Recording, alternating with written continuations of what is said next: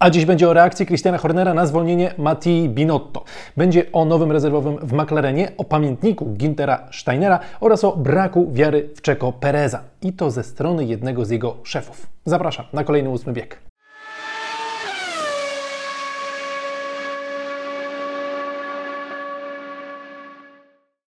Zima w pełni, przerwa od Formuły 1 e, trwa. Dajcie znać, czy Wy już się za tym sportem zdążyliście stęsknić, czy jeszcze Was trzyma po poprzednim sezonie. Ja tylko tych, którzy już tęsknią, e, uspokoję. Od stycznia tych emocji będzie jeszcze więcej, bo będą prezentacje samochodów, e, barw, będziemy już czekali na testy, później po testach pierwszy wyścig, więc od nowego roku będziemy się już coraz mocniej nakręcać. Grudzień jest takim najbardziej miesiącem martwym, ale spokojnie są moje odcinki, więc głód co niektórych może być zaspokojony, a przynajmniej taką mam nadzieję. No a to zaspokajanie zaspokajanie głodu w tym odcinku zaczynamy od y, Ferrari, y, bo Ferrari cały czas szuka, poszukuje dzielnie następcę Matti y, Binotto, a przynajmniej nikogo jeszcze nie ogłosili, ani żadne nowe informacje w sprawie tego, kto tam ewentualnie może się pojawić, nie przedostały się do mediów. Cały czas teoretycznie faworytem jest Fred Wasser, ale pojawiają się na giełdzie nowe nazwiska. Niemiecki Automotor Sport mówi, że w ogóle szefostwo Ferrari już w zeszłym roku w wakacje miało się kontaktować, uwaga, z Christianem Hornerem,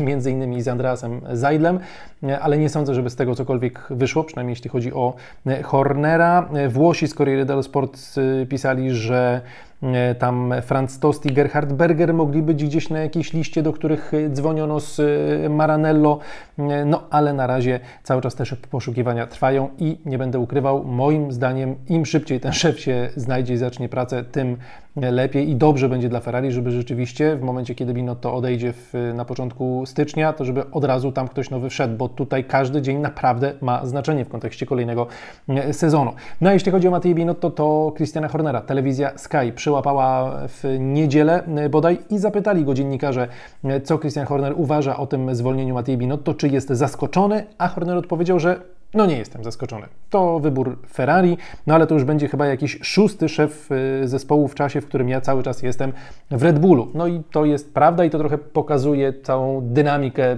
Ferrari, jak oni tam y, działają, a jaki spokój jest w Red Bullu. Tam nawet jak nie szło, to Christian Horner y, to stanowisko zachował, bo byli tam w stanie bardziej chyba znaleźć przyczyny tej słabej formy. Skupili się na tym, że to jest po prostu silnik, co zresztą było, było prawdą i tam cały czas to zaufanie zaufanie wobec Christiana Hornera było, a w Ferrari zaufanie można bardzo szybko stracić.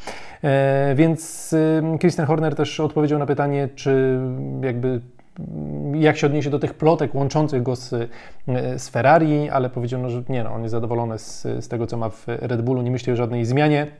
No i tak jak mówię, dla mnie to by było bardzo, bardzo, bardzo, bardzo zaskakujące, gdyby Christian Horner odszedł teraz z Red Bulla do do Ferrari i no cóż, trzymam kciuki za kierownictwo najwyższe w Ferrari, żeby rzeczywiście jakieś zastępstwo szybko e, znaleźli.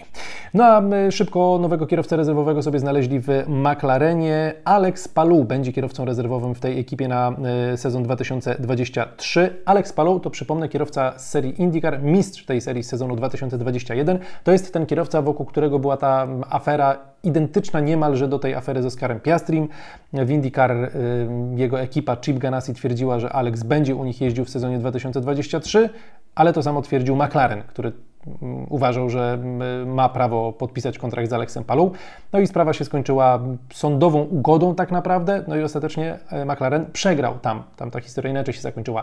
Alex Palou został w tej ekipie Chipa Ganasiego, będzie tam jeździł w sezonie 2023, ale no wygląda na to, że też częścią z tego dogadywania się co do, co do przyszłości tego, tego gościa była ewentualna zgoda na to, żeby on właśnie takie role w McLarenie e, pełnił. No i co? No i Alex Palou ma być na tych wyścigach wyścigach, które nie kolidują z serią IndyCar. Serię IndyCar obejrzycie na e, Viaplay, miałem przyjemność komentować te wyścigi w sezonie 2022 i naprawdę warto. E, tych wyścigów, które nie kolidują będzie chyba 11, mm, więc e, no parę razy do Europy i nie tylko będzie się Alex Palou musiał ze Stanów przenieść. No i przesuwa się całkiem wysoko Alex Palou w tej kolejce chętnych do fotela w Formule 1. Będzie miał na pewno trochę testów, będzie miał trochę okazji, żeby tym samochodem pojeździć. Gdyby coś się stało z podstawowymi nowymi kierowcami, to jest gotowe, ma super licencję. No i to jest naprawdę szybki gość. Wyprzedził w tej drabinie, w tej układance Pato Awarda, który też tam sobie o zęby ostrzył na to, żeby do Formuły 1 gdzieś tam próbować się jakoś tylnymi drzwiami dostać. Zatem McLaren ma już rezerwowego. Nie wiemy, co z rezerwowym w Mercedesie wciąż. Być może tam niedługo usłyszymy jakieś potwierdzenie Mika Schumachera. Niedługo może usłyszymy też potwierdzenie, jak będzie już tak ostatecznie wyglądał kalendarz w przyszłym roku, bo na ten moment wiemy już oficjalnie, że wyścig w Chinach się nie odbędzie. To jest związane z tamtejszymi obostrzeniami. No i jeśli Chiny wypadają z kalendarza przyszłorocznego, to po pierwsze jest o jeden wyścig mniej. Ma ten kalendarz miał liczyć 24 wyścigi bez Chin, to 23. No i to sprawia, że, bo ten wyścig miał być 16 kwietnia, a to sprawia, że będą 4 tygodnie przerwy między 2 kwietnia i Grand Prix Australii, a 30 kwietnia i Grand Prix Azerbejdżanu. Dosyć duża przerwa. E, no i od razu pojawiły się informacje, że wyścig na torze w Portimao miałby się wysunąć na prowadzenie w, w tym wyścigu o dołączenie do kalendarza. No tylko, że w Portimao 16 kwietnia to akurat jest wyścig y, długiego dystansu, więc y, musieliby coś tutaj pokombinować z, z datą. Logistycznie to też nie jest jakaś wymarzona opcja, no bo jednak z Australii do Portugalii, y, później do Azerbejdżanu, no Chiny były trochę bardziej po drodze. Jeszcze Turcja gdzieś tam jest, jest wskazywana jako możliwe zastępstwo. No, kombinują w formule jak e, mogą, bo no, taki wyścig mniej to po prostu mniej pieniędzy e, dla wszystkich, więc będzie im bardzo zależało, żeby tę lukę wypełnić i mam nadzieję, że jakimś ciekawym torem tę lukę się uda e, załatać. Były informacje, że może by się przesunęło wyścig w Baku, ale tego ponoć nie chcą tamtejsi promotorzy, e, zatem e, czekamy, co wymyślą władze e, F1. A ja teraz przechodzę do ekipy Red Bulla i ciekawej, ale też smutnej dla kibiców y, pewnego kierowcy z Meksyku mm, wypowiedzi Helmuta Marko. W Bildzie Helmut Marko wypowiedział się na temat swojego kierowcy i mm, Helmut Marko powiedział, że mm, co prawda Sergio Perez może wygrać jeden, dwa, trzy wyścigi w przyszłym e, sezonie, ale tak na przestrzeni całego roku to on nie będzie w stanie powalczyć z Maxem Verstappenem. I w ogóle zdaniem Helmuta Marko to nikogo w stawce nie ma takiego, kto mógłby się przeciwstawić e, Verstappenowi. No i Domyślam się, że Czeko te słowa nie do końca się e, spodobają i nie do końca się z nimi zgadza. Jestem ciekaw, czy Wy się zgadzacie, ale ja tutaj zwracam uwagę na coś innego.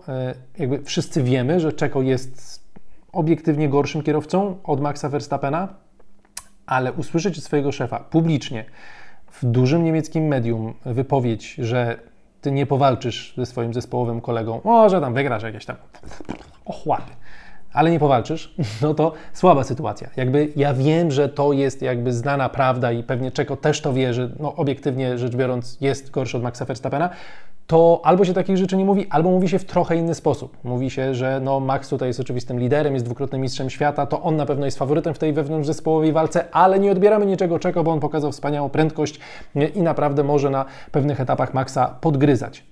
Piękna PR-owa wypowiedź. Mógłbym być PR-owcem Red Bulla, ale nie przyjmę tej pracy, bo wolę pracować y, dla Was. Można to zrobić inaczej, a nie od razu tego kierowcę wciskając po prostu y, y, w ziemi i pokazując mu, tam jest Twoje miejsce, siadaj mierny no nie wiem, mi jakoś ten taki styl nie do końca pasuje. Ja wiem, że to jest Helmut Marko i pewnie tak to się skończy, że nawet jak Sergio Perez zadzwoni do e, Christiana Hornera, powie, no Christian, no kurczę, no co, co wy znowu ode mnie chcecie? No, no dlaczego ja mam z nimi powalczyć? Ja uważam, że mogę powalczyć. A Christian mu powie, przestań tam, Helmut, wiesz, coś tam, wiesz jak to z Helmutem jest. No.